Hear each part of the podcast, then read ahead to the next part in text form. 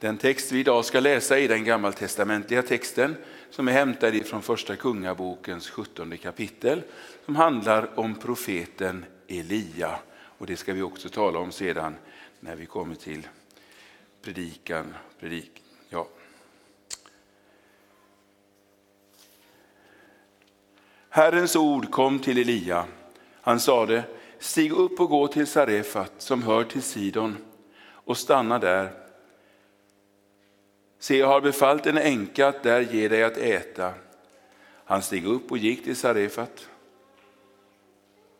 När han kom till stadsporten fick han där se en änka som samlade ved. Då ropade han till henne, hämta lite vatten åt mig i kärlet så att jag får dricka. När han gick för att hämta det ropade han efter henne, ta också med dig en bit bröd åt mig. Men hon svarade, så sant Herren din Gud lever, jag har inte en kaka bröd, utan bara en näve mjöl i krukan och lite olja i kannan. Jag håller just på att samla ihop ett par vedpinnar och ska nu gå hem och laga till det åt mig och min son. Vi ska äta det och sen dö. Då sa Elia till henne, var inte rädd. Gå och gör som du har sagt, men laga först till en liten kaka åt mig och bär ut den till mig. Laga sen till åt dig och din son. Ty så säger Herren Israels Gud, mjölet i krukan ska inte ta slut och olja ska inte fattas i kannan fram till den dag då Herren låter det regna på jorden. Då gick hon och gjorde som Elia hade sagt. Hon hade sedan att äta en lång tid, hon själv och han och hennes husfolk. Mjölet i krukan tog inte slut och olja fattades inte i kannan enligt det ord som Herren hade talat genom Elia. Så lyder Herrens ord. Så. Jag hoppas ni sen, jag ska inte säga så jättemycket om det här, men här finns någonting som har att göra med predikan idag. Här finns det en, en eh, vi kan säga en kruka med, med mjöl. Och det finns en kanna som är avsedd för olja, det vill säga olivolja, som finns i den här flaskan. Och då vet ni vad, vi ska, vad det ska handla om idag. Nu ska vi börja på ett annat ställe. Är det någon av er barn som vet vilka det är som finns på den här bilden? Ja, jo, Isak du vet. Ja, Jesus är där va? Är det så? Men vem är det där då? Förlåt? En präst? Ja, eh, snarare en profet. Han heter mm, Mo. Ja, det är Mose som står där. Ni kan se, han har två tavlor i sin hand. Och, det, och då förstår vi att det är Mose, han som fick ta emot de där tavlorna från, på berget. Josef. Och så är det Elia som finns där. Och honom ska vi prata en del om idag. Profeten Elia. Men vilka är de som är här då? Ja, det var lärjungar. Vet du det Josef, vilka de är? Ja, Petrus och Jakob är alldeles riktigt. Men vad heter Jakobs bror? Just det, Johannes var det. De var där uppe på det berget. Vad ska Ingrid säga?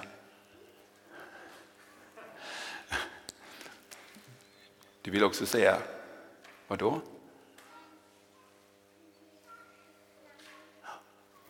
Ja, Jesus är där. Just det, det är alldeles riktigt. Eh, de var där på det berget. Vi kallar det för förklaringsberget. För på något sätt så, hade, så lät Gud hela på något sätt himlen komma ner till dem. Och så att när Petrus och Jakob och Johannes såg det här så såg de Jesus helt annorlunda, helt förvandlad. Man förstår att det hade med himlen att göra. Om att han inte bara var, inte bara var en människa, fastän han var helt och hållet en riktig människa, så var han också Guds son. Ja, han var Gud själv. Men himlen hade liksom kommit ner. Och så fanns de där två, men de levde väl inte då, Elias och Mose? Nej, det gjorde de inte. Inte på jorden. Men de levde i himlen. Mose hade dött, om han nu dog, och blev begravd av Gud ensam och ingen visste var, de, var graven fanns.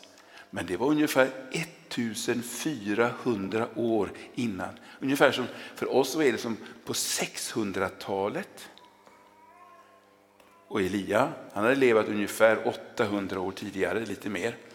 800 år, då är vi tillbaka nere på, på någonstans på slutet av 1100-talet. Det är gräsligt länge sedan. Så länge hade de varit borta. Men de var ju inte borta, för de levde. Eh, nu ska vi tänka på den här Elia som hade levat så långt innan Jesus kom i världen. Eh, han levde i sitt land, Israel, och då fanns där en kung som var en otrevlig typ. Han hette Ahab, kung Ahab. Han var en ond kung och han ville inte göra som Gud ville. Gud hade sagt att en judisk man han skulle gifta sig med en judisk flicka och inte med någon annan. Men Ahab struntade i vad Gud hade sagt. Och han gifte sig med en prinsessa uppifrån en plats som heter Sidon. Som ligger uppe i det, i det som nu heter Libanon. Eh, men denna, denna flickan, denna prinsessan, hon hette Isebel. Hon tillbad inte Gud, hon ville inte ha med, med Gud att göra. Hon hade skaffat sig en annan gud som så många andra där uppe. En gud som heter Baal. Det låter konstigt. Baal, ja det är också konstigt. Det är otrevligt. Eh, man brukade göra små statyer och så sa man här är Baal. Och så kunde man böja knä för Baal eller böja, buga sig och så vidare och säga du är min Gud. Och så var det bara en lerklump egentligen och ingenting annat. Och in, ingenting att göra. Och så bad man, var god mot mig. Men det var ju ingen som hörde. Så Isebel och Abab, de bad till en, en påhittad Gud och sa hjälp oss. Men det gjorde han inte, för han finns inte. Det var bara en lerklump. Eh, men eh, kung Ahab, han ville gärna ära sin, sin prinsessa som nu var drottning. Så han byggde en, ett fint tempel precis nedanför slottet. Eh, Maria och jag vi har varit där, ligger i Samaria, resten av Samaria i Israel. På vilket berg som, Ja, sedan, ja vilket då? Just det, vi ska inte tala om Karmel idag, men det är en mycket spännande berättelse om vad som händer på Karmel. Eh, men Israels Gud, han var mycket bedrövad när han fick veta, fick se, och han såg ju hela tiden, att Ahab som var kung i hans land och hans drottning inte ville vara med honom. Eh, och så ville han hjälpa människorna, både Ahab och, och, och, folket i landet att vända tillbaka. För det var jättemånga som nu tillbad Baal istället för Israels Gud. Eh, och så gjorde Gud vad han ofta har gjort. Han sände en profet. En profet, vad är det? Det är som en präst kan man säga. Prästen ska vara lite grann av profet också för han ska han ska tala om Gud, han ska peka på Gud och han ska hjälpa oss människor att vända tillbaka till Gud. ångra våra synder så vi kan få förlåtelse. Och så sände Gud Elia och så kom han till slottet i Samaria. Och så kom han, han knackade på där på något sätt och, och de släppte in honom och han fick lov att komma in i kungens tronsal. Det satt kanske många människor, kanske drottning Isabel också. Och så, så talar Elia om hur illa det här är, det du gör nu Ahab. Så här får det inte vara. Du har övergett Gud, Israels Gud som har fört hela ditt folk ut ur Egypten. Men du gör så här. Och så sa Elia till Ahab, nu kommer det att hända någonting som kommer att vara mycket svårt. I lång tid kommer det inte alls att regna. Och ingen dag, ingen fukt. Nå, eh, för så här sa, sa Elia till, till kungen. Så sant Herren Israels Gud lever, honom som jag tjänar, under de här åren ska varken dag eller regn falla om inte jag säger det. För Gud har regnet i sin makt. I sin makt. Det är han som, som bestämmer om det. Nå, och så blev det så i tre och ett halvt år. Oj, inget regn, ingen dag i tre och ett halvt år. Vad tror ni, hur skulle det se ut här ute om vi åkte ut på landet någonstans, eh, kanske åt det hållet, och, och ut på åkrarna där det brukar växa vete eller långa rader med potatis. Om det inte har regnat på tre och ett halvt år, hur ser det ut då? Vad tror ni? Helt brunt, ja. Helt brunt. Finns det någon potatis? Nej. Finns det någon, någon, någon säd som man kan mala mjöl? Nej. Om det inte finns någonting sånt på marken och, och djuren dör, finns det någonting att äta då? Vad blir vi människor om vi inte får äta? Ja, då svälter vi. Precis. Då svälter vi. Vi blir jättehungriga och kanske till och med så att hungern, hungerkänslan nästan försvinner och vi blir helt matta. Och i hela Ahabs land blev det på det viset. Och inte bara där, utan det står att det blev så i de andra länderna också runt omkring. Fruktansvärt. Och det var Ahabs fel. Som hade dragit med sig hela sitt folk. Och det hade de gjort också, han som var hans pappa och de som fanns innan. Var, men Ahab var värst, står det i Bibeln. Ja, det ser ut som om Niklas ville säga... Okej. Okay. Eh, och tänk när det i trädgårdarna inte finns någonting. Om vi ska här, här hemma hos oss, om alla växthusen blev utan vatten, vad skulle man göra? Ja, det blev helt katastrof.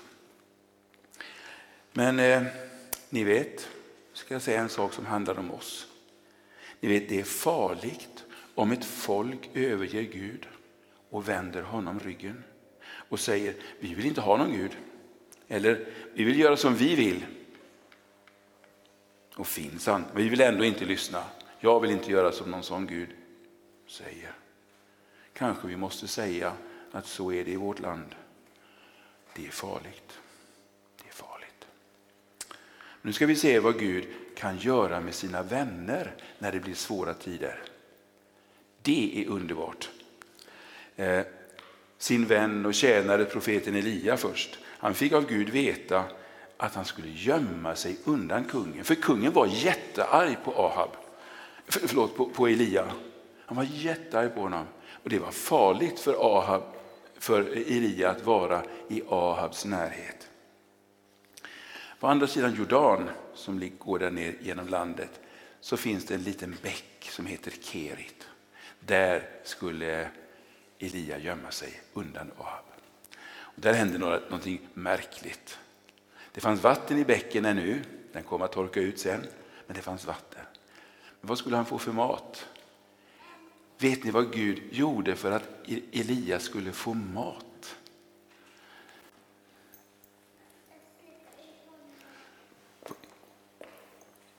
Jag vet, men Josef han, han kan mycket.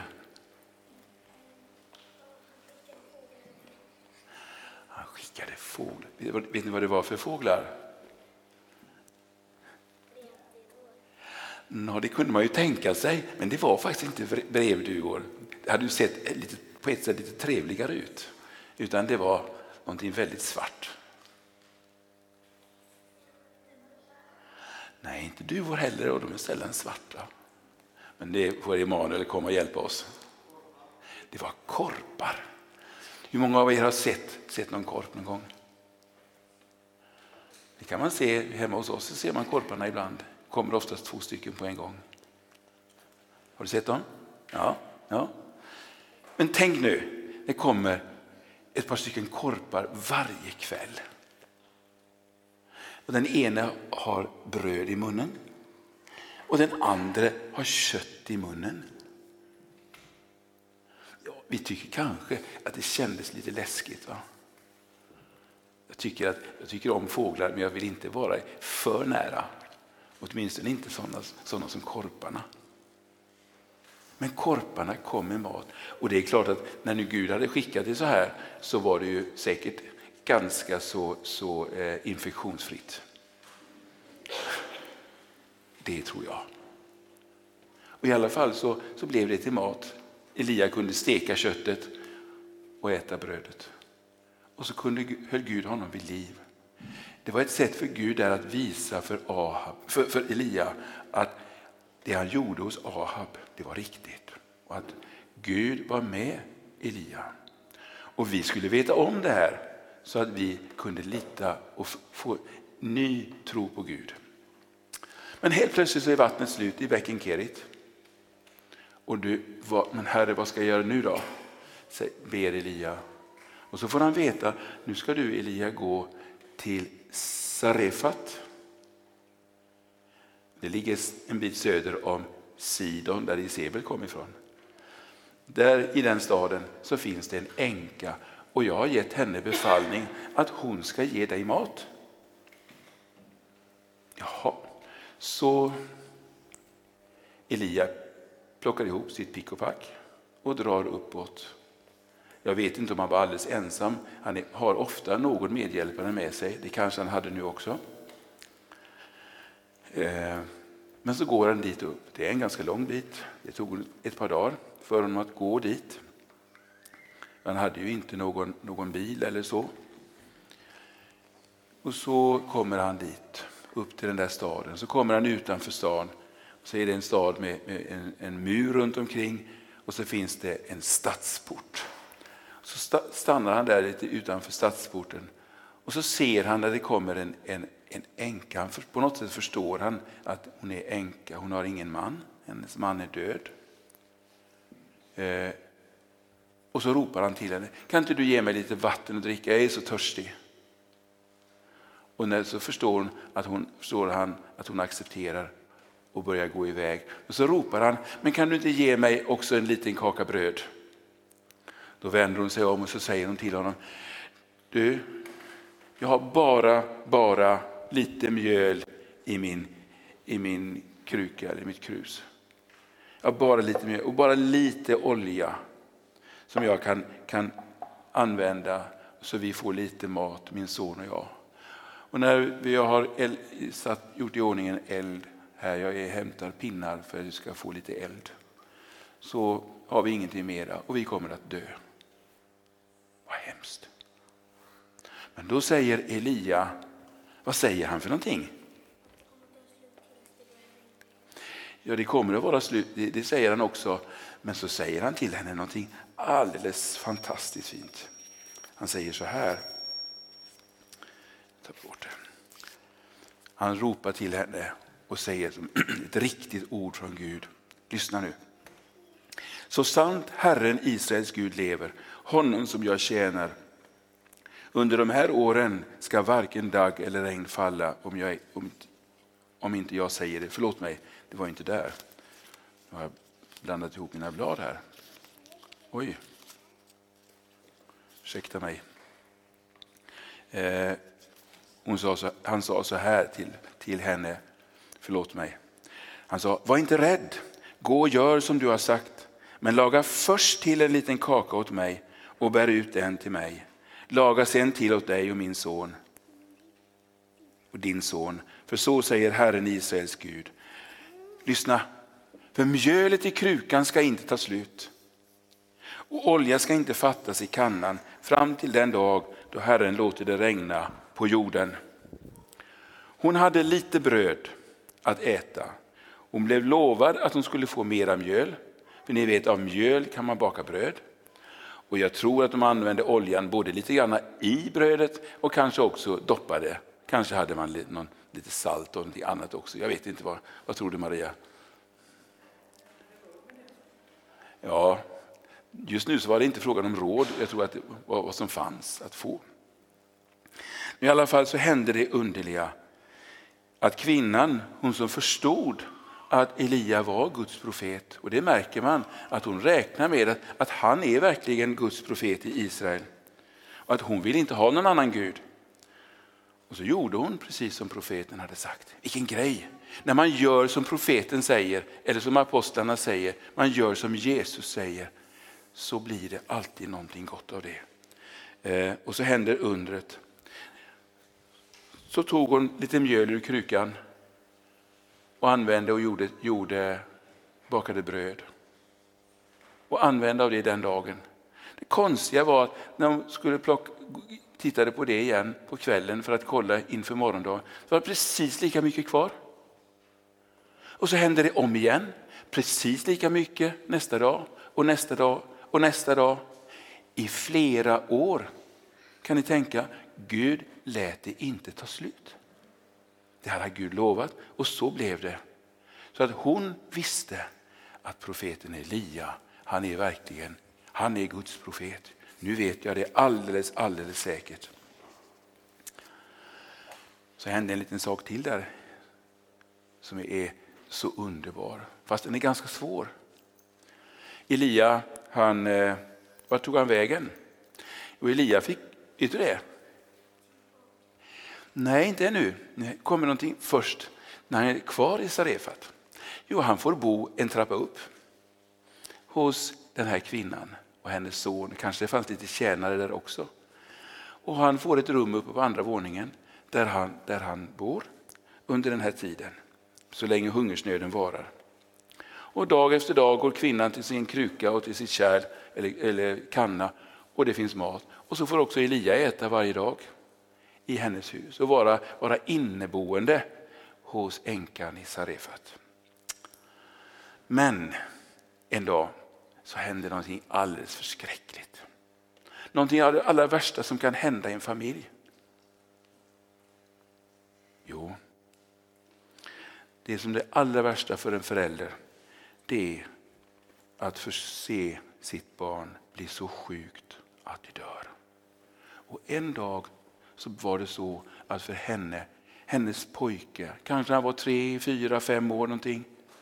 För hon kunde bära honom så här i famnen. Just. Och så kommer, då kommer, kommer kvinnan till Elia precis när han har dött. Vad är det här? Vad har du gjort? Varför är du här? Är du här för att Gud dömer mig för mina synder, sa hon. Men nu fick hon ett nytt stort bevis på att Gud var hennes vän. Att hennes synder var förlåtna, att hon levde helt med Gud. Och Elia, han tog den döda pojken i sin famn. Och så gick han upp på sitt rum där på andra våningen. Och så la han pojken på sängen. Och så böjde han sig fram över det. Och vet ni vad han gjorde?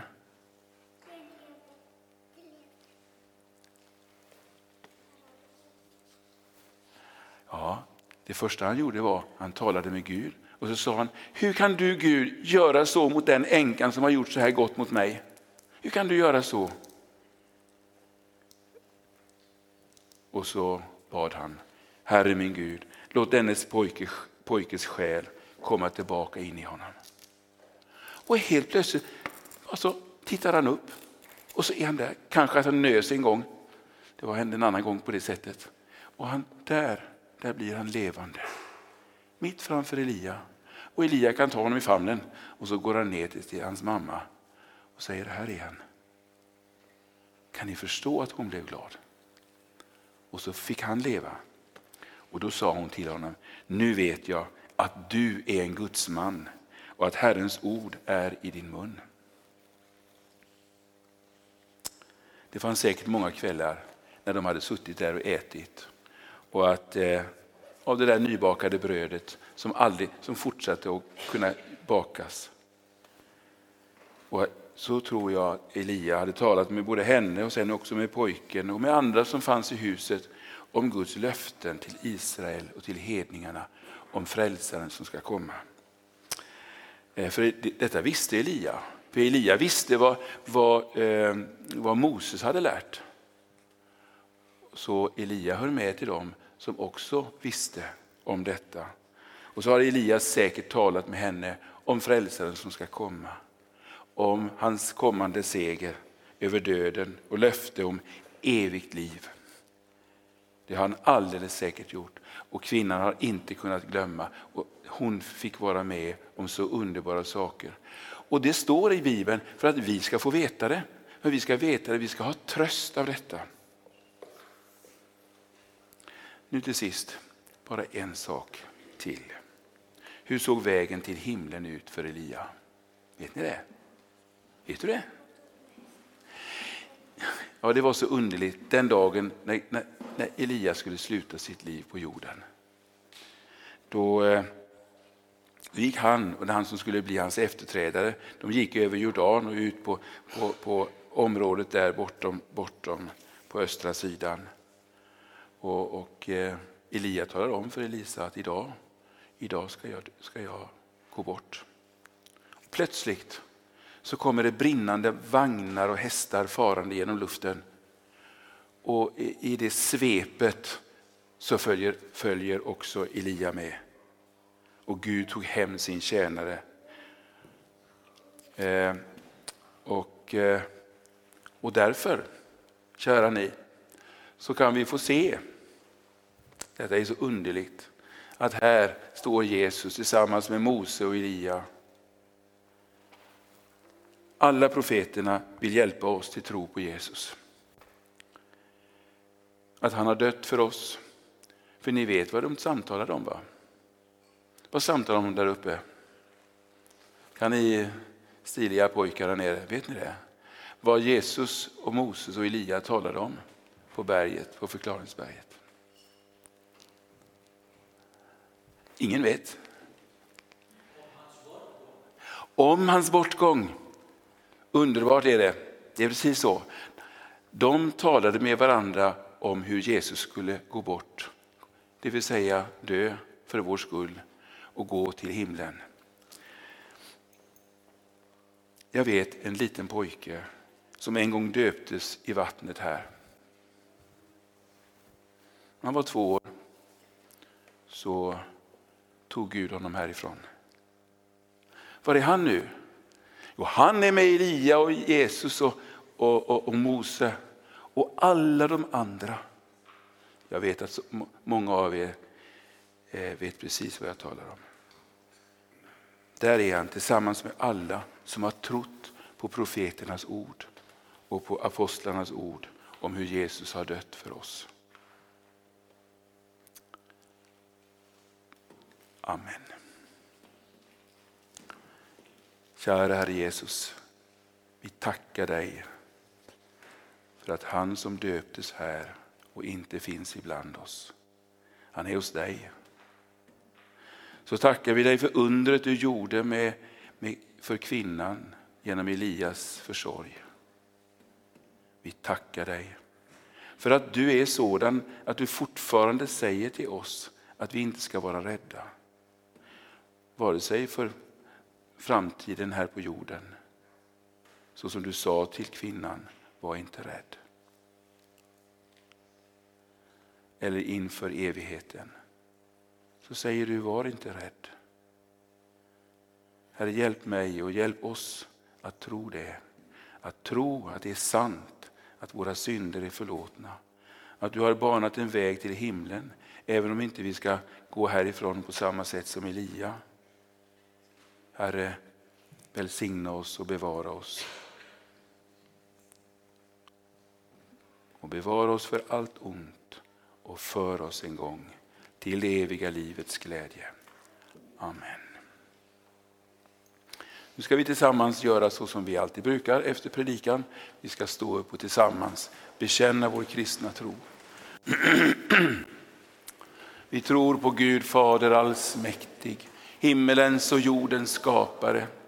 Vi tror också på Jesus Kristus, hans enfödde son, vår Herre, vilken är avlad av den helige Ande, född av jungfrun Maria, pinad under Pontius Pilatus, korsfäst, död och begraven, nederstigen till dödsriket, på tredje dagen uppstånden igen ifrån de döda, uppstigen till himmelen, sittande på allsmäktig Gud faders högra sida, därifrån igenkommande till att döma levande och döda. Vi tror också på den helige Ande, en helig allmännelig kyrka, de heliga samfund, syndernas förlåtelse, kroppens uppståndelse och ett evigt liv.